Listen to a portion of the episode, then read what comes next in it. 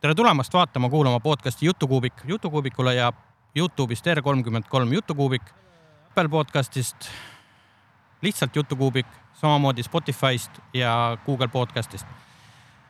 minuga täna on siin minu hea sõber Hendri Tiitus, tere Hendri. tere Reio.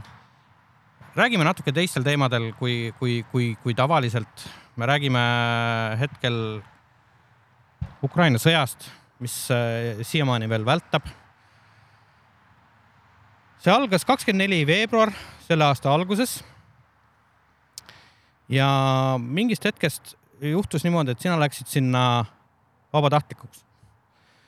kuskohast tekkis sul idee minna Poola piiripunkti siis äh, vabatahtlikuks inimesi abistama sinna?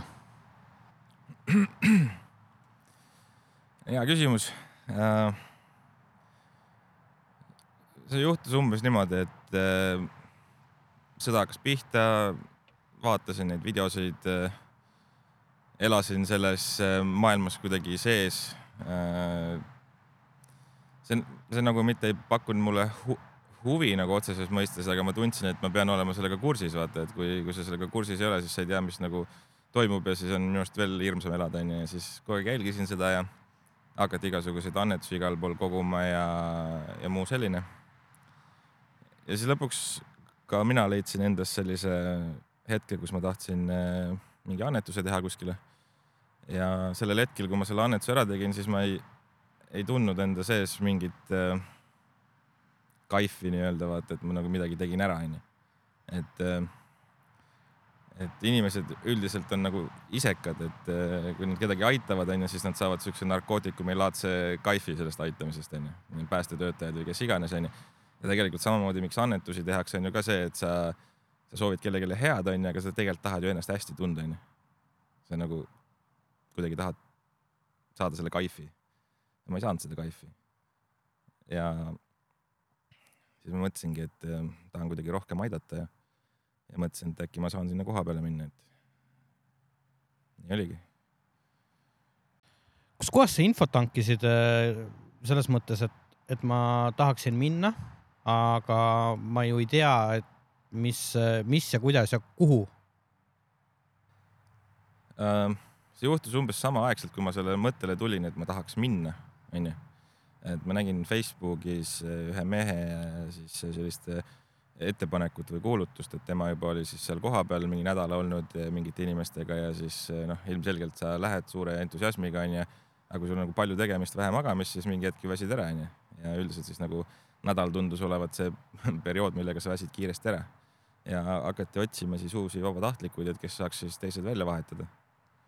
ja siis sealt see liikus nagu normaalselt rada pidi edasi, et võtsin temaga ühendust ja, ja, ja küsisin pagulasabist ja muudest kohtadest, kes muidugi olid nii ülekoormatud, et ega nemad sellega tegeleda hetkel ei saanud ja ütlesid, et ära mine, ei ole mõtet ja nii ja nii edasi, onju. aga ma ikkagi tahtsin minna ja siis äh, rääkisingi kodustega kiiresti läbi ja, ja otsustasin, et peaks asjad pakkima ja võtma, laduma auto mingit kraami täis ja, ja minema ja vaatame, äkki keegi tuleb veel kaasa, onju, et, et ma ühtegi oma tutvusringkonna kamraadi nagu kaasa ei saanud nii kiire etteütlemisega, et mul võib-olla töö mõistes tol hetkel oli seda valikuvabadust rohkem, et ma ei pidanud puhkust võtma ja niimoodi onju, et ma sain lihtsalt minna kuskohast sa seda kraami said, mida sa sinna kaasa võtsid? Ehm, jah, mingi kogus asju ma ostsin äh, ise kaasa, mida seal nagu siis äh, öeldi, et mida nagu võiks tuua, onju, mida seal nagu puudust on ja mida nagu läheb, et ma ei tea, pampersid ja nii edasi, onju, lastele mõeldud kraam. aga ka soojad riided ja nii. aga hästi palju oli inimesi, keda ma leidsin Facebookist meie enda siit Harku valla elanike seast, kes lihtsalt äh, käisid ja ostsid äh, realiseerimiskeskusest või, või lihtsalt Rimist, äh, ma ei tea, beebipüreesid, mähkmeid, äh, snäkke, komme, ma ei tea, mida iganes onju ja siis tõid lihtsalt mulle. Ja, ja oligi neid inimesi, kes ütlesid, et nad ei tea, mida osta onju, aga siis kandsid mulle raha võhivõõrale inimesele, mõni kandis viissada eurot onju, et täitsa suured summad onju, lihtsalt nagu suvalisele inimesele kanda. See on nagu väga suur respekt kõikidele nendele inimestele, kes sellise nagu panuse minuga kaasa saatsid, et usaldasid. kas sa läksid üksinda sinna või, või lõpuks sa leidsid kellegi siis, kellega koos minna? sellega oli niimoodi, et äh, selle kontaktisiku kaudu, kes seal kohapeal toimetas, ma sain teada siis veel mingid inimesed, kes sinna nagu minemas on. ja siis üritasime organiseerida nagu noh, kolonnis mineku vaata, et mingi kolm, kolm, kolmekesi, kolme autoga vist läks meie seltskond ja, ja mingid inimesed läksid veel, aga me ei saanud nendega samale ajagraafikule sättida ennast. aga see kõik toimus suht kiiresti, et noh, a la, et äh, esmaspäeval mõtlesin, ma ei tea, kolmapäeval, neljapäeval läksin või mingi sihuke ei, ei, see on ja, ei, väga kiiresti. kui sa nüüd sinna kohale jõudsid, mis äh, vaatepilt sul seal avanes? see koht, kuhu ma läksin, oli sihuke piirilinn on seal Slovakkia pool nagu Brežemüll. Ma ei tea, kas ma õigesti hääldan, aga sihuke koht. ja sellest umbes kümme kilomeetrit edasi on siis piir siukse väikse linnaga nagu Medika või Medika, Medika. ja kui sa hakkad sinna kohale jõudma, siis äh, hakkasid kostuma igal pool sireenid, vilkurid. ja neid oli nii kohutavalt palju, et äh, kui sa nüüd kujutaksid endale ette, et seesama tee, mis meil siin aia taga on, onju, et siit tuleb üks päästeauto vilkuritega onju, sireeniga, siis tulevad reisibussid, mis on Päästeameti omad punased vilkuritega, mingi kümme tükki jutti siis tuleb politseid, mingid päästeametid, siis veel mingid eh, asjad ja niimoodi kakskümmend neli tundi jutti. niimoodi, et sul undab kõrvus. vot, vot niisugune möll oli. see oli crazy. see on päris, eh, noh, ei kujuta ette sihukest asja jah mm. -mm, raske jah kus kohta sa selles mõttes nüüd, eh, kus sa selle info said, et kuhu sa nüüd minema pead, mida sa tegema pead ja, ja kuidas see asi üldse hakkab välja nägema, kuhu, kellele sa oma asjad annad, mis sul kaasa oli võetud? no üldiselt on niimoodi, et kui sa hakkad jõudma sellisesse piirkonda, siis sa saad aru, kuhu kõik liiguvad, onju. et siis lähed nagu selle vooluga nagu kaasa ja, ja siis me saime teada, et on sihuke, ma nüüd ei oskagi öelda, kas see oli mahajäetud kaubanduskeskus, mingi Costco või mingi sihuke asi või oli ta seest tühjaks tehtud nagu viimasel hetkel ruttu et oleks majutada inimesi. no võtame siukse Haabersti Rimi onju, et sul on seal mingid boksid ja, ja asjad, et need olid kõik nagu seest tühjaks visatud. nulli, et siis mingi igal riigil oli oma nagu mingi boks sinna loodud, et kus inimesed said oodata, sest õues oli külm. Ja siis eh, sinna me maandusime ja siis noh, alguses oli muidugi suur kaos, keegi ei saanud midagi aru, et mida teha, kuhu minna, kellega minna ja üldse mida teha, onju, et aga see hakkaski nagu eks me jõuame selleni, kuidas ma räägin, et mis seal toimuma hakkas. jah, ega noh, selles mõttes, et kes me siin istume ja, ja kuulame ja vaatame, vist ei, ei hooma seda vist mitte ealeski, mis, mis vaatepilt see selline olla võiks. kas sul oli mingi kontaktisik ka, kes äh, siis koordineeris seda nii-öelda abistamist, mida sa sinna siis nagu tegema läksid? nagu oli ja nagu ei olnud ka, sellepärast et äh, see inimene oli, noh, ta oli väga ülekoormatud ja juba väga väsinud selleks hetkeks, kui me sinna jõudsime, onju, ja seal oli nii suur kaos, onju, et ta tegi oma parimat, onju, aga tegelikult see noh, näha oli, et see käis seal absoluutselt kõikidele üle jõu, mis seal toimus, et äh, noh, kontaktisik oli, onju, aga see võttis meil ikkagi mingisuguse päeva või kaks võttis aega, et see kuidagi nagu saada mingisugune aimdus asjast, et mida sa nagu tegema hakkad, vaata, et. et kui me jõudsime sinna kohale, siis äh, seal oli nii palju rahvast ja niisugused ummikud ja et me noh, otseselt ei teadnudki midagi teha, et siis me lihtsalt sõitsime kuskilt äärekivist üles kuskile mingi põllu peale kuskile puude kõrvale ja, ja jäime sinna korraks nagu noh, grupp, grupeerusime nii-öelda, et, et panna mõtted kokku, et mida me nüüd siis nagu tegema hakkame, vaata. ja, ja tol hetkel siis oli seal äh, nii, noh, nii palju organiseeritud, et nad käisid äh, raudteejaamast ja, ja, ja sellistest kohtadest toomas neid inimesi ära, kes nagu Eesti poole lähevad, onju. et äh, nad tegid väga tubli tööd ja tegid seal plakatid ja noh, lõid nagu siukse kõnekeskuse moodi asja, et kuhu sa saad helistada ja et tuled rongi pealt maha, siis sa näed kohe suurt Eesti lippu onju ja, ja, ja, ja numbrit ja aga need, kas need pagulased nagu siis või noh, ütleme, me ei saa öelda pagulased, need on sõjapõgenikud. kas nad teadsid juba, kuhu nad äh, suunduvad, selles mõttes, et nemad tulid möllust. ja, ja liikusid edasi siis kes kuhu, eks ole, Eesti, Läti, Leedu, osad jäid Poola, osad läksid ilmselt Saksamaale ja nii edasi sealt äh, laiali. kas nad juba teadsid, kuhu nad minema peavad või nad seal äh, nii-öelda kohapeal siis äh, alles hakkasid mõtlema, kuhu minna, mida teha? seal oli inimesi, kes teadsid, kuhu nad lähevad, et kellelgi on kuskil sugulased. väga paljudel, kes Eestisse suundusid, vaata on mehed tööl siin. Meil on päris palju Ukraina tööjõudu siiski, vaata. ja nemad siis ootasid oma pereliikmeid. mingi sihuke üheksakümmend või üheksakümmend viis protsenti kõik need pagulased, kes noh, sõjapõgenikud, kes sealt tulid, olid naisterahvad, vanemad, nooremad, lastega. mehi oli väga vähe et seda nii-öelda Süüria põgenemist ei, ei saa võrreldagi. ilmselt mitte. Nii, oled nüüd kohapeal seal. mis su ülesanne siis oligi, inimesi sõidutada või, või, või mingeid muid asju koordineerida seal? no me jõudsime mingisugune pool tundi või tunnikese jõudsime Peata Kanadolle ja, ja siis juba tuldi ütlema, et kõik autod, kes seal on, on juba nagu kuskil sõidus onju, aga inimesi tuleb aina peale, keda oleks vaja siis nagu sinna tuua.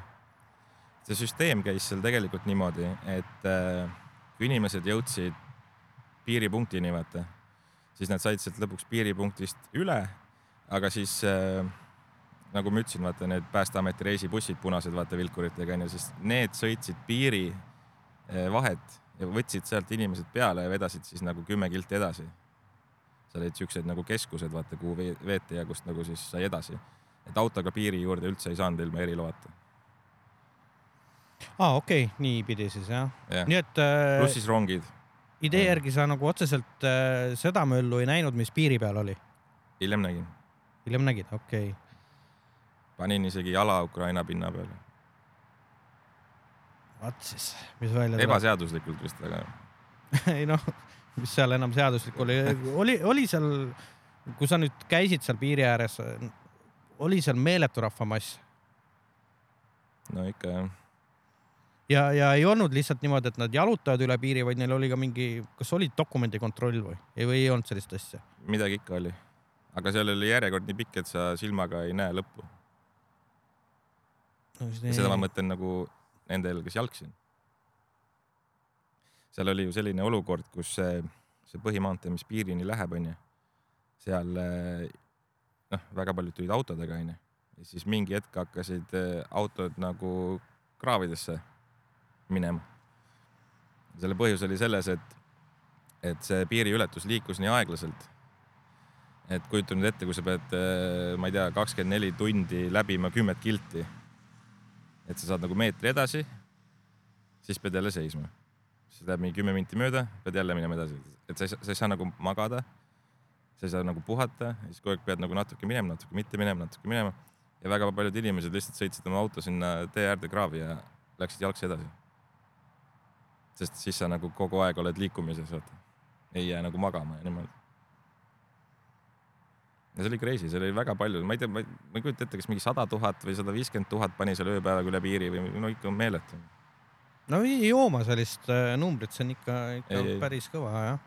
no see on umbes niimoodi, et igal pool, kus sa vaatad, on inimesed. kuidas nende sõjapõgenikudega käituti seal?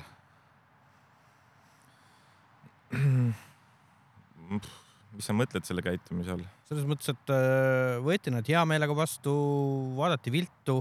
ei no ikka hea meelega no.. sa, kuidas sa saad kurjalt vaadata äh, kellelegi otsa, kes on? Äh, ära ütle, riigid on erinevad, noh. ei no, eh, nojah, noh, sa ikka näed, vaata, et inimene on, ma ei tea, väsinud, kannatanud, silmad peast ära nutnud, mingid väiksed lapsed onju, kuidas sa saad kuri olla, sa ei saa kuri olla. Ei, selge see. kui sa kuri oled, siis sa ilmselt ei ole seal nojah, seda küll jah. kas sul õnnestus ka, noh, ma ei tea, kui hea su vene keel on, ilmselt mitte, mitte väga. aga õnnestus, kui sul mõne põgenikuga rääkida, mis emotsioonid neil olid? selle vene keelega oli üldse selline asi, et, et vene keel ja ukraina keel on väga sarnased keeled, onju. aga ma ei saanud ka mingil põhjusel väga paljud ukrainlased vene keelt ka nagu ei, ei, ei räägi. ja noh, noorema generatsiooniga, kes inglise keelt oskasid, nendega sai inglise keeles räägitud äh, no need inimesed, kes näiteks kuskil IT-sektoris töötavad ja mingi panganduses ja niimoodi, vaata, nendel on mingi haridustase teine, nemad peavad inglise keelt oskama, nendega oli nagu lihtne, onju. aga need, kes olid eh, noh, võib-olla natuke vanem generatsioon või niimoodi, siis nendega oli lihtsalt tuim Deeply või Google'i translator ja, ja põgus sihuke mingi päheõpitud laused ja nii läks. no jaa, tundub üsna loogiline jah, selles mõttes. no mis sa muud moodi teed, ega et me, meie nagu lõpuks nagu see ülesanne oligi, oligi selline, et, et inimesed saavad siis piiri pealt informatsiooni, onju, helistavad sinna siis nii-öelda loodud kõnekeskusesse, mis seal kohapeal toimus, toimis. ütlevad, et ma ei tea, nende nimi on eh, Marina ja nad on kahe lapsega ja tulevad, astuvad rongi pealt maha ja öeldakse, et mine kuskile sinna Vaksali ette ja ja siis äh, sind tulevad, otsivad mingisugused inimesed üles, kellel on äh, neoonvestid seljas, selja peal on Estonia kirjutatud markeriga ja toovad siis äh, sind sealt raudteejaamast näiteks sinna noh, see kaubanduskeskus, mis ma rääkisin, onju, sinna. nüüd olenemata olukorrast ja situatsioonist, reeglina kui on siuksed rahvamassid koos, siis tulevad ka igasuguseid kurjategijaid sinna oli sellist situatsiooni ka, kus no ma ei kujutagi isegi ette, mis seal on, vargused äkki või midagi sellist või? see oli üks probleemidest, teine probleem oli see, et vaata Covidi aeg oli ka. onju, et äh, minu üks suurimaid hirme oli see, et kui sa paned nii palju rahvast kokku, vaata, ega keegi sealt maskiga ei tule sõjast sul pole mütsi ja salligi, vaata. et see oli nagu minu jaoks oli natuke no ma ikka põdesin, et ma selle koroona sealt nagu mingi teistkordselt saan, et äh, väga ei tahtnud, aga see oli nagu sihuke vastik, vaata kogu aeg kuklas hirm. aga nende röövide ja vargustega nüüd sa puudutad võib-olla kõige lahjemat asja, inimröövid olid probleemiks. Sellepärast, et äh, alguses ei olnud seal mitte mingisugust kontrolli, mitte mingi noh, mingi politseil olid käed-jalad tööd täis onju ja sõjaväge ei olnud toodud ja nii edasi, vaata. aga seal kaubanduskeskuses sees oli nagu mingi infopunkt, vaata, kus kogu aeg mikriga keegi lasi, et ma ei tea, siit läheb, see auto läheb, on ju, Poola poole, see auto läheb äh, Venemaa sinna Venemaale jah, Venemaal tagasi. Läheb sinna, ma ei tea, Itaaliasse või, või Inglismaale või. aga mingit kontrolli ei olnud, vaata. Siis läks paar päeva mööda ja siis kibekiirelt organiseeriti mingisugune kontroll, mingi käepaelte süsteem on ju, pandi politseid ette, et igaüks sinna territooriumile ei saa, onju siis pead ennast ära registreerima, oma auto, dokumendid ja nii edasi, kui sa mingi driver oled või sõitja. aga jah, seal vist oli ikka päris palju neid äh, inimrööve, nagu ma aru sain. ega sellest keegi ei räägi, aga ei ole eriti raske inimesi röövida, kui sulle vabatahtlikult tullakse auto peale, keegi sind ei kontrolli ja, ja ütled, et ma viin nad Saksamaale. no ausalt öeldes ei tule isegi sellega peale, et sihuke asi on päris karm värk. jah ma ei, ma ei kujuta ette, see, ma arvan, ma arvan, et see oli palju suurem probleem, kui ma sellest tegelikult võib-olla seal aru sain. sest see, kui kiiresti seal muude asjade korral, kõrvalt organiseeriti, see. no see pidi ilmselt olema suur probleem sel juhul jah. jah. See tehti suht kiiresti, tehti suht viisakaks. tahtsingi küsida, mis põhjusel sa sinna piiri äärde siis sattusid äh,? me käisime plakateid uuendamas ja plakateid viimas ja, ja, ja kontrollimas, et mis seal toimub ja vahest oli seal inimesi vaja ka peale võtta, kes siis ma ei tea, mingil põhjusel nagu seal olid, et ei viidud kuskile mujale. Kas sina lahide, lahingutegevust äh, sealt äh, kuskilt kuulsid või oli see ikka väga kaugel või? tegelikult Kiiev ei ole sealt väga kaugel no see Lviv on lähedamal, vaata mm, -hmm. sinna Lvivi juurde pandi ka üks kärakas ära. see oli mu viimasel öösel, kui ma olin seal äh, autos valves, magasin, siis kuulsin, käis paukar. siis ma mõtlesin, selge, veits liiga lähedal juba, et, et see oli, see oli nagu noh, ma ei tea, kus Lviv on, mingi viiskümmend kilti või ma ei tea midagi, aga see litakas oli kuulda küll. See pidi ikka päris hea matakas olema siis, kui nii kaugele kuulda on. võib-olla mingi tuulsoodustus ka või ma ei tea, aga no oli kuulda küll ühe korra. ma vist ei, ei, ei kujuta ette sellist. kaua sa olid seal üldse? ausalt öeldes ma ei mäleta. sellepärast, et äh, see oli nii kaos, et äh, no mingi nädal või kaks ma olin, ma arvan. üle nädala kindlasti, vähem kui kolm ma täpselt ei mäleta. seal oli niimoodi, et äh, et me üritasime ju tekitada mingisuguseid vahetusi, et kes sõidavad päeval, kes sõidavad öösel onju, aga lõpuks see nagu muutus suhteliselt kaootiliseks, sellepärast et tegemist oli nagu palju ja, ja siis äh, magasid autos või vahepeal rentisime mingi Airbnb-d kuskile saja kahekümne kilomeetri kaugusele, sellepärast et kõik muu oli ju välja renditud, onju, ilmselgelt. Siis ega ja mingi hetk kadusid ära need päevad, ega sa ei saanudki aru, mis, mis toimub. mis, mis jälje see sulle enda psüühikale jättis, selline? ei, ma arvan, et see ei äh,, jälge kui sellist, ma arvan, et ei jätnud emotsioonid, vaid. aga mis emotsioonid sul tekkisid seda õudust kõike vaadates seal? No nagu ma rääkisin, isekus on esimene asi, et sa saad abiks olla, see tekitab sulle hea tunde onju, aga siis teist küll, külje pealt sa näed väga palju äh, kurbust, sa näed väga palju, sul on väga palju, tekib siukest kaastunnet onju. viha võib-olla kõik, kõik siuksed, ma olen siuke emotsioonide virvarr, ma arvan, siuke päris suur segadus, et kui ma tulin tagasi ka, siis väga paljud küsisid, et noh, et ma ei tea, räägi siis või, või tee mingi kokkuvõte või ma üritasin midagi Facebooki ka kirjutada, vaata, aga seda emotsiooni ja seda möllu on nii palju, et noh, nüüd on mingi, ma ei tea, kuus kuud on möödas, onju, et siis nüüd hakkab nagu enam-vähem nagu mingisugune pilt selgeks alles looma, noh. et, et hoomad nagu alles nüüd võib-olla, kui, kui suur ja kui hull see tegelikult oli kui palju sa selles mõttes nagu silma peal hoida, mis seal äh, Ukrainas praegu toimub? iga päev. vahest mõni mitu korda päevas. selles mõttes, äh, kas sa jälgid nagu meie seda, kuidas nüüd öelda, peavoolumeediat? peavoolumeediat? ei, ei.. sellega pole kahjuks või õnneks pole sellega minu arvates midagi teha paraku ma pean sinuga nõustuma selles suhtes, et ise ma loen äh, noh, militaarfoorumit kindlasti, kus on ka noh, väga adekvaatne info üldjuhul, et ja, ja see, see info, mis sealt tuleb, on mõnes mõttes nagu hirmuäratav ja, ja samas mõtled, et ja vaatad meie Postimees, Delfi, ERR võib-olla. ja seal pole mitte ühte killukest seda infot. jah ma jah, ma ei tea, ma ei kujuta ette, miks see nii on.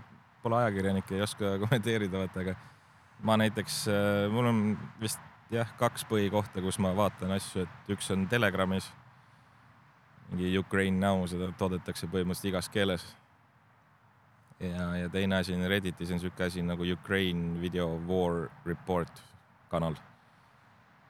Need on kõige kiiremad ja kõige värskemad äh, infoallikad no ja mi, eh, militaarfoorumisse tuuakse need kõik asjad ühte kohta kokku, et selles mõttes on seda mm. nagu lihtsam jälgida.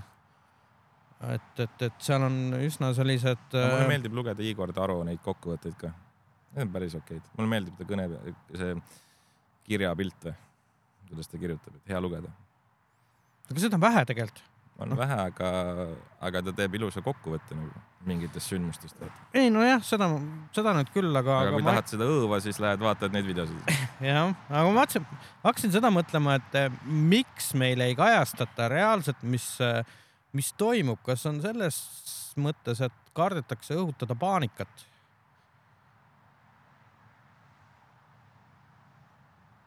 ma arvan, et seal on erinevad faktorid, mingi, mingi osa on kindlasti selles, onju mingi osa on selles, et äh, sa ei jõua võib-olla nii kiiresti kinnitada neid allikaid, onju, mida sa sinna peavoolus meediasse lased, siis päris nagu lampi ei saa ka panna, onju. et see, mis sul seal kuskil foorumis jagatakse, onju, sa tegelikult ei tea, kas, kas see on nagu päris õige kohe, vaata. see võib olla aastast kaks tuhat neliteist ka filmitud onju, et. ja selles mõttes ma olen sinuga nõus, et seal peab nagu noh, üleüldse seal info, infotulvas peab äh, ringi liikuma natukene sellise, kuidas nüüd öelda, pilguga, kus sa võtad kõike kerge soolaga et et, et kõik ei ole tõsi, mis liigub internetis. nii on.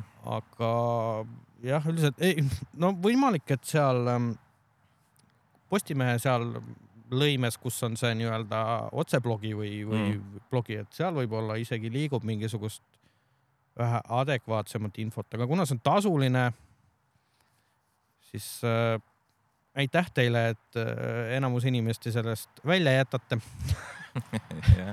et mina ei tea ühtegi inimest, kes selle eest maksaks ja, ja ma ei hakka ka kunagi maksma selle eest, kuigi kõige lahedam äh, artikkel, mis kunagi tuli Postimehesse, tasuline kusjuures, oli kuidas säästa raha. ja esimene punkt oligi, ma ei osta seda artiklit ja ma olen juba säästnud, nii et väga hästi. no see on sama nagu kuidas, kuidas alati loteriiga võita, jätad ostmata noh, just oled vähemalt midagigi võitnud. just jah, või noh, pole no, kaotanud tegelikult. jah, jackpot'ini sa muidugi ei küündi sellega. seda küll. kas läheksid veel, kui tekiks võimalus? nagu võimalus on alati minna ju ütleme aega, tahtmist, motivatsiooni. ma arvan küll, kui ma noh, ma tegelikult just täna hommikul mõtlesin selle peale, kui ma siia tulin, et tõenäoliselt ma arvan, et mingisugune suurem suurem sõjapagunike, pagu, pagulaste laine hakkab uuesti tulema äkki siis, kui nüüd külmaks läheb, sellepärast et noh, paljud regioonid seal võib-olla on ilma kütteta ja nii edasi, vaata, et siis võib-olla tuleb jälle see mingi raksakas, sest praegu suvel ja niimoodi on okei okay ju, vaata, sa saad hakkama isegi siis, kui sul pole kütet ja nii, aga. jah, ei, selles mõttes on sul õigus, et, et kanalisatsiooni ja sooja seal ilmselt need trassid on kõik puruks.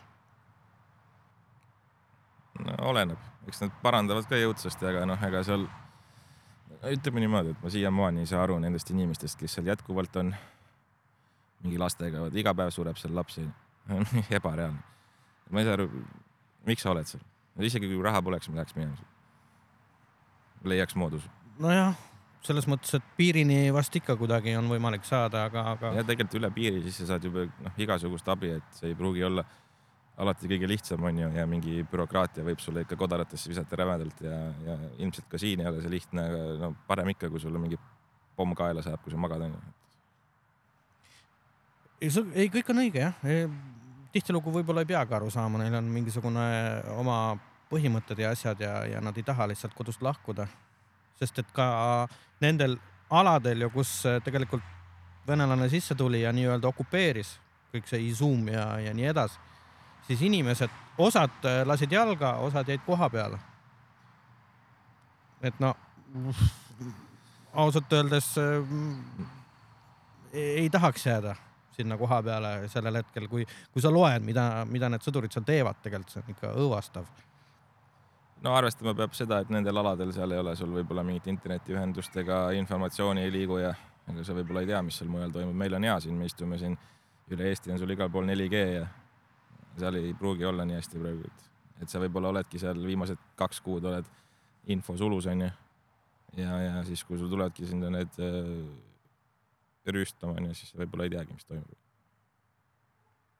nojah. see on ka tõenäosus. aga noh, kaks pluss kaks kokku panna, noh, mina oleks ammu jalga lasknud. ma ütlen ausalt, et kui kui see nüüd äh, algas kakskümmend neli veebruar, siis esimene nädal oli, ma panin küll plaani kokku, kuhu ma oma pere ja kui kiiresti ma siit äh, minema viin, kui peaks meie piiri taha ka tekkima analoogne olukord, et äh, mina jõudsin oma mõtetega välja Norra näiteks. kuidas, kas mööda maad või mööda merd, ilmselt mööda maad, sest et oleks olnud ohutum, kuna mere peal on ka meil ju allveelaevad, eks ole, teadupärast. no mööda maad, kui, kui jamaks läheb, siis ei saa, sest ma arvan, et see Suwalki koridor, mis on ainult mingi sada kilti lai, see tõmmatakse kohe umbe. ma arvan. no võimalik, aga Poolas usu, on tegelikult päris läbi... arvestatav äh, NATO kontingent. ei, seal võib olla, aga nagu inimeste mõttes. no inimeste mõttes ja ei no tegelikult. see äh, mass, mis hakkab läbi minema. üks asi, mida ma mõtlesin, oli see, et seda peab ennetama kaks-kolm päeva kindlasti, sest et äh, kujutad sa ette, kui nüüd kaheksakümmend protsenti, ütleme Tallinnast kõik mõtlevad tõmmata üle Läti, Läti piiri, siis äh, sa ei saa eales sealt üle enam sellel hetkel. sa pead olema päev-kaks ennem läinud juba. ja aga vaata seda otsust, et, äh, et äkki nüüd midagi juhtub ja ma lähen, kui sul on töö, pere, ma ei tea, kohustused bla,, blablabla, seda on nii raske teha. ja on küll jah, ma olen nõus Ukraina piiri taga koondati, ma ei tea, mis seal oli, sada tuhat või sada viiskümmend tuhat eh, Vene sõdurit ja need olid ju seal mitu nädalat ja kui kaua nad olid seal onju. ja, ja see tõenäosus oli mingi väga suur, et nad ründavad onju, aga mis sa arvad, et eh, kas isegi Ukraina president arvas, et eh, raudselt tulevad? ma arvan, kõik arvasid, et nad ei tule jah, kusjuures oli jah, sest nad, no ma kuulasin palju Vikerraadiot tol hetkel. seal hommikuti olid päris head jutusaated ja tegelikult paljud arvasid, et eh, noh, pikalt nad olla niimoodi pinges ei saa mm -hmm. nagu vibunöörid. aga loodeti ikkagi, et, eh, et lihtsalt ähvardavad ja lasevad, lähevad minema, nagu oli aasta ennem seda. aga paraku läks teisiti.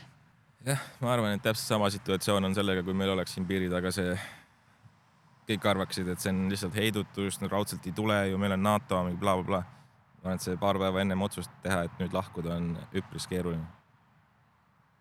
vähemalt väga suurele arvule inimestele. ja, ei kindlasti jah, selles mõttes olen ma sinuga nõus, alati on õnneks, kahjuks pigem õnneks võimalus võtta puhkust ja minnagi nii-öelda Norra siis nädalaks kaheks nii-öelda puhkama, aga no see peab ikka olema äärmuslik juhus nagu selles mõttes, et eh, loodetavasti niisugust otsust ei tule kunagi vastu võtta.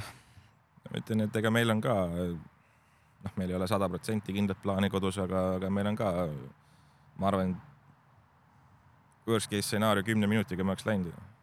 et suht hästi tegelikult on asjad, noh, kus on kütus, kus on, ma ei tea, meditsiinitarbed, kus on sul muud asjad, onju. see on nagu enam-vähem on teada, et mingid asjad on kokku pakitud, et kui kunagi peaks midagi hapuks minema, et valmis võib ikka olla, et see halba ei tee. ei no seda küll jah, ma olen. selles mõttes ma ei, ma ei propageeri nagu et kui nüüd Eestis sõjaks läheb, et siis nagu minema tõmmata, onju. seda ma ei propageeri, aga. ei no pere tuleks viia siiski ohutusse kohta. nagu pere viiks kindlasti ennem ära ja siis vaataks edasi, mis toimub, onju, sellepärast et tegelikult mina ei ole sõjaväes käinud, kuna mul on esimese tüübi diabeet, onju. mind sinna väkke ei võetud, et ma olen tegelikult noh, lihtsas mõistes olen kahuriliha, vaata. et ega mul on ka nagu raske otsustada, mida ma teen, vaata, et kas no õnneks ütleme niimoodi siiski, et e-, Eesti mobilisatsioon versus Vene mobilisatsioon on täiesti kaks erinevat asja. üks on, kus tõesti vennad võetakse tänavalt ja viiakse rindele, pohhu, et ei, ei ole püssigi käes hoidnud ja ei tea, kuidapidi seda hoidagi. teiseks, mida professionaalid räägivad, et väljaõpe peab olema vähemalt pool aastat. mis need venelased teevad ühe päeva heal juhul või? Praegu? hetke, ma olen näinud jah videosid, kus vennad võetaksegi, laotakse bussi, antakse mingeid roostes äh, Kalasnikovit kätte, öeldakse, et mine poest osta endale ise tampoonid, mida haava suruda ja homme on minek, et ja kui sa kiivrit ei jaksa endale osta, siis no siit ka oled ilma, noh, et vennad peavad varustuse endale ise ostma, see on täiesti käsitlematu asi tegelikult. no mida, mida sa teed sellise asja, see ongi kahuriliha, see on lihtsalt selleks, et vaenlane kasutaks ära oma laskemoona või mida iganes, et no muud pointi ma sellel asjal ei näe nagu. et sellega sa ju ei hoia ega, ega valluta, noh, ma ei tea, noh. Stalin kaks punkt null, noh, ma ei oska midagi öelda. rääkides nendest asjadest, mis seal noh, me kaasa viisime, annetasime või nii-öelda onju, et siis tegelikult sinna seda annetusi voolas nii palju igalt poolt peale, et seal olid nagu mingid suured maa-alad, mis olid lihtsalt nagu mingi täis mingit jura. ja see oli päris valus vaadata ja, ja. sa tahad öelda kasutuid asju? jah, ja tead, mis kõige hullem on või? et sa lihtsalt kodust lahmid mingid asjad prügikotti, vaata, mida võiks vaja minna, vaata. sa ei sorteeri, sa ei kirjuta peale no sa kujutad ette, kui sa oled nüüd eh, oma kahe lapsega, sul on suurus kaheksakümmend kuus, vaja mingit kombekat leida, onju. ja siis sul on mingi nagu kadakaturg onju ja mine otsi. idiootsus onju. aga oli siukseid inimesi, kes sorteerisid ära, panid teibiga asjad peale, vaata, et äh, ma ei tea, naiste riided suurus see onju. et see oli normaalne. aga siukest kasutut rämpsu, seda saadeti väga palju. see oli päris rets noh. Mina tegelikult äh, pean ütlema, et ka tegin väikse annetuse, mitte küll rahalise, vaid äh, ostsime kaasaga siis äh, Selveris vajaminevaid asju, hambapastasid, hambaharju, vist oli ka mingid mähkmed, mingisugused esmatarbeasjad. ja, ja Selveris oli kohe kogumispunkt, kuhu sai need asjad jätta ja nemad organiseerisid need asjad edasi. ses mõttes, et oleme ka teinud panuse. ja no, no väga õige, kõik, kõik, kõik peavad tegema midagi. ükskõik kui väike või suur see on, Mm -hmm. sul pole nagu vahet, seda ei pea mõõtma. jah, nii ta on. mida, tuleme korraks tänapäeva, kas äh, läksid ka hullusega kaasa ja ostsid endale koju generaatori? ei, jah, jumala õige, ma tahaksin küsida inimeste käest, kes ostsid endale generaatori, mida sa teed sellega?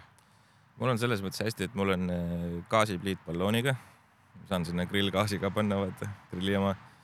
ja mul on väike kamin ja, ja saunaahi on puudega, millega ma saan ka maja kütta, et äh, noh, hädapärast, et äh, ei no mul on sama asi selles mõttes, et mul on gaasigrill, kus äh, seda saab kasutada ahjuna, seda saab kasutada vee keetmisena, mida iganes. mm. aga mul ei ole ju seda generaatorit kuhugi majja ühendada, selleks peab kilbi ringi tegema ja see see ei ole lihtsalt, et et ma ostan nüüd generaatori ja panen kuradi lärisema siia aeda ja laen telefoni. no et telefoni laadida, selleks võib olla lihtsam minna osta mingi saja eurone päiksepaneel ja no just, et et inimesed, kes jooksid tormu, tormigeneraatoritele,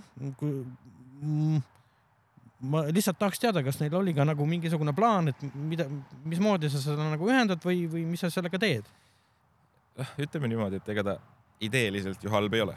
Et kui sul on vahendeid ja võimalusi, no palun osta, las ta olla sul kodus onju, et kui tõesti hapuks läheb onju, siis võib-olla kuidagi kasutad onju, valad diislit täis ja paned käima ja saad midagi teha onju, aga kas ta nüüd on nii vajalik, et sa seda nagu pead nagu tormama ostma ja hinnad lakke lööma, seda ma ei usu jah.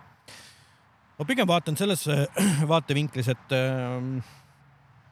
et äh, mõned noh, viis-kuus kilomeetrit nagu Haabersti poole minna. meil on Õismägi Mm. Ja kujutad sa ette, kui läheb ära elekter, ütleme, et kakskümmend neli, nelikümmend kaheksa tundi on ära elekter. Nendel ei ole tubades mitte midagi teha, neil ei ole sooja, neil ei ole elektrit, neil ei ole võimalus endale süüa teha ega ka WC-s käia. ega nemad koju ei jää. Nemad tulevad äh, sinna, kus äh, inimestel on, ütleme siis võimalused äh, noh, kasvõi söögiks. ja need hordid on suured see piir pidi olema kakskümmend neli tundi vist. Ma kujutan ette, kui kakskümmend neli tundi on elekter ära, on sõjavägi tänaval. või meil ei ole sõjavägi, meil on kaitsevägi muidugi. nojah, eks, eks mingid Saku Suurhallid, Kalevi spordikeskused, mingid siuksed asjad pannakse kuidagi toimima, ma arvan. no, ei, no millal nad pannakse, võib-olla kohe ei jõua, et esimesed prioriteedid on ikkagi, et kõik haiglad ja mingid siuksed in- infra, infrad oleksid kuidagi töös, vaata, et see on nagu esimene prioriteet ilmselt.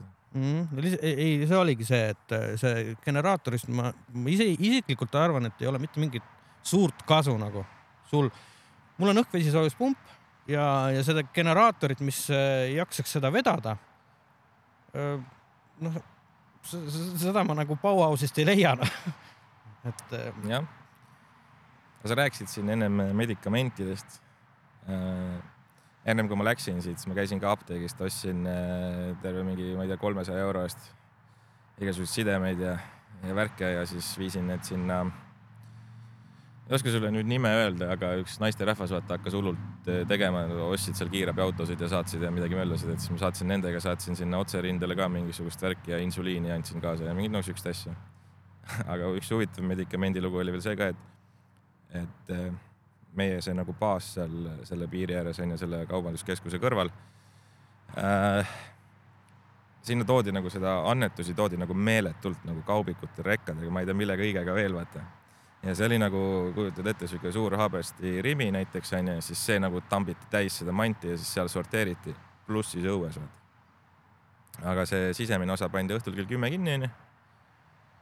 ja siis öösel tulid ju ikka masinad onju ja siis, kuna meie olime seal ühed vähesed, kes seal öösel ka nagu ringi patseerisid ja seal midagi organiseerisid ja me käisime me käisime ise tuuseldamas nende riiete ja muude asjade sees, vaata, et sorteerisime sealt välja lastele mütse ja lastele kindaid ja mingeid siukseid asju ja siis viisime need enda sinna staabi juurde, et siis kui inimesed tulid või inimesi tõime, onju, et siis äh, saime nendele anda. siis mäletan nii hästi seda, et mingid sakslased tulid äh, kahe kaubikuga öösel, ma ei tea, kujutan mingi neli öösel ja siis küsisid, et kuule, et kus me selle mandi paneme, onju. Siis ma ütlesin, no ma ei tea, kuhu iganes ja viskan nagu maha, onju, aga mis sul on, vaata siis aa, meil on igasuguseid asju, et meil on siin mingeid lasteriideid, naiste riideid bla,, blablabla ja siis on see morfiini. nagu tead unine ka, mõtlen, et mis asja, morfiini või? et seda nagu niimoodi ei tohiks vaata olla, vaata. noh, ma seda talle ei öelnud, onju. aa jaa, ei, meil on äh, mingi neli kasti morfiini või kaks kasti või ma ei tea. okei okay,, aga pange siis siia meie selle boksi juurde need vaata, et siis vähemalt nagu anname õigesse kohta, vaata. sest meil olid seal äh, paari inimest, kes tulid äh, juurde. Äh, noh, ega ma täna neid nimesid üldse ei maini, vahet pole, kes, kes on, tunnevad ise ära, kui peaksid kuulama, onju. igavesti ässad, toredad vennad musta bussiga, nemad suutsid organiseerida, no nad olid mingi militaartaustaga ja niimoodi ja nemad suutsid organiseerida seal siis mingeid inimesi, kes läksid otse sinna nagu sõjakoldesse ja käisid seal üle piiri nagu mingeid asju vedamas ja toomas ja ja siis me saime nagu nendele kaasa anda ja siis nagu komplekteerisime neid asju. aga mul tuli üks asi meelde, mis oli veel ennem kui ma siit läksin, et akupankasid oli hullult palju vaja. sest nendest oli nagu hull puudus seal, nagu ma aru sain. siis ma sain äh,, Tele2 annetas mingisugused vanad akupangad, mis olid mingi kampaania jaoks kunagi ammu-ammu-ammu, seisid laos mingi, ma ei, ma ei kujuta ette, mis see kogus oli, nelisada tükki või ma ei tea, viissada tükki või midagi ja siis see oli vaja nagu ühe päevaga täis laadida siis hakkasime pihta vaata ise nagu noh, mingi toppisime igale poole neid laadima ja meeletu. siis mingi hetk sain aru, et see no go vaata ja siis siuke koht nagu patareid.ee tuli appi, nendel on mingi laadimisjaamad, vaata. Saime terve ööga nagu enamus nendest kõik täis laadida, siis viisime need ka sinna, et need läksid ka otse rindele, vaata aga jah, see morfiini lugu oli küll nagu väga-väga imelik ja täbar lugu, et ma ei tea, kuidas seda niimoodi nagu vabalt. no ja morfiin tegelikult peaks otse minema nagu rindehaiglatesse, mitte siis eh, juba põgenemiskeskustesse, et seal nagu pole morfiiniga suurt midagi teha, kui neid pilve tõmmata ennast, eks ole. jah, aga noh, ma garanteerin, et see läks rindele see on väga hea uudis selles mõttes, et eh, seal läheb seda kindlasti palju rohkem vaja. mida, mida sa sooviksid eh, või soovitaksid inimestele, kes nüüd seda kuulavad, vaatavad, et kuramus, ma tahaks ka panuse anda, tahaks minna või tahaks mingeid asju anda, kuhu peaks andma asju, mismoodi peaks andma asju ja kui ta tahaksid minna, kuhu nad peaksid minema? sest sõda meil ju kestab ja põgenikke on endiselt. ilmselt tuleb veel nüüd vastu talve lisaks. ma ütlen siukse hästi poliitilise asja või nagu võib-olla sügavamõttelise või kuskilt kaugemalt pihta hakkava asja, vaata, mis ei ütle nagu konkreetselt mitte midagi, aga ilmselt mõjutab kõike. et äh, ma arvan, et inimesed peaksid rohkem mõtlema selle peale, et nad ei tohiks endast seda õõva eemale lasta nagu. Vaata, väga paljud inimesed äh, on sellised, ah ära räägi sellest teemast rohkem, see on nii õudne ja ma ei taha ja ära näita mulle seda pilti sellest surnud laps, surnud lapsest ja. aga ma arvan, et see on vale ma arvan, et kõik inimesed peaksid iga päev ennast sellega nagu kursis hoidma ja mitte sellepärast, et endale tekitada stressi või midagi. või et, et kuidagi halb või valus oleks, onju, aga mõtleme nüüd niipidi, et istume täna sinuga siin. õues vihma ei saja, jumala hea on, õhtu, ma ei tea, pühapäeva õhtu võib-olla pärast lähed, teed sauna, võtad ühe õlle ja kõik on chill, onju. aga kaugel Kiiev on? mingi kaheksasada või? no ei ole kaugel jah siinsamas ju ja siis võtad sealt veel mingi viissada kilti edasi, onju. pommid lendavad, inimesed surevad, lapsed lendavad tükkideks. ja siis me naudime hetke ja teeme podcast'i. ei, selles mõttes on, äh, ma olen jumalast nõus sinuga. kõik. mis, mis mul see mõte oli, vaata, see mõte oli nagu selles, et, et äh, kui inimesed ei lase endast seda õõva mööda ja nad on sellega nagu liiguvad käsikäes, vaata, siis sellest edasi hakkavad tulema juba õiged otsused, vaata. et kas ma annan sinna mingi panuse, annan siia mingi raha või, või, või ma ei tea, mul sõbral on korter onju, kes ei taha seda välja üürida onju, aga ma siis võib-olla motiveerin teda, et et ta üriks selle välja või võib-olla ukrainlasele või mida iganes, vaata sealt hakkab see nagu hargnema ja läheb nagu edasi, vaata ja siis need inimesed leiavadki selle õige tehe, tee. aga kui sa väldid seda teemat, siis ei leia. vaata, asi ongi selles, et äh, meil on see infot on äh, hakatud nii vähe jagama, vaid ongi see kinnine blogi, millest ma rääkisin mm. ja, ja, ja teiseks on, et et inimesed on väsinud sellest antakse vähem infot ja sihuke tunne on, et äh, midagi ei toimugi seal enam. kui sa ise ei uuri nendest foorumitest, siis sa arvadki, et enam ei toimu suurt midagi. Kuigi tegelikult äh, lahingutegevus on läinud meeletult suuremaks ja langenuid on palju rohkem, kui oli ennem mm.. ka tsiviilisikute osas, mitte ainult äh, Ukraina sõdurite osas. vot seda peaks, üleskutse nüüd, ma ei tea, ajakirjandusele, et palun kajastage rohkem tasuta artikleid sellel teemal, et inimesed ei väsiks ära sellest, et endiselt toimub jõhker okupatsiooni, ma ei tea, kuidas nüüd öelda, haare või? selles mõttes, et äh, rohkem, rohkem relvi tuleb anda Ukrainast. ja, ja kes saab aidata, loomulikult tuleb aidata. olen nõus ma arvangi, et kõige olulisem ongi see, et see noh, hakkab väikestest asjadest pihta ja kui sa oled selle teemaga nagu kursis, hoiad ennast kursis, ükskõik kui ebameeldiv see ka pole, onju, siis see tekitabki sinust seda trotsi või viha nagu midagi teha või ära teha või kaasa aidata. siis küll need äh, õiged väljundid leiavad ise tee sinuni juba, ma arvan. see paraku on nii. nii et kes tahavad aidata, palun äh, aidake, aidata saab igat moodi selles mõttes, et äh, nii rahaliselt asjade osas kui ka ise kaasa lüües. Ma tänan sind, Endre, et sa said aega tulla natukene jutustama, mis äh, päriselt toimus ja mis päriselt toimub ja ma soovin sulle edu. ja kes teab, võib-olla näeme kuskil abistuspunktis. suur tänu sulle. aitäh. ja kes ei ole veel subscribe inud, like inud siis palun tehke, sest ma statistikast näen et, et üheksakümmend viis protsenti videote vaatajaid on siiski unsubscribe või tähendab, ei ole subscribe inud kanalile, nii et äh, see ei võta teilt tükki küljest ära. aga samas aitab mind palju. suur tänu, näeme jälle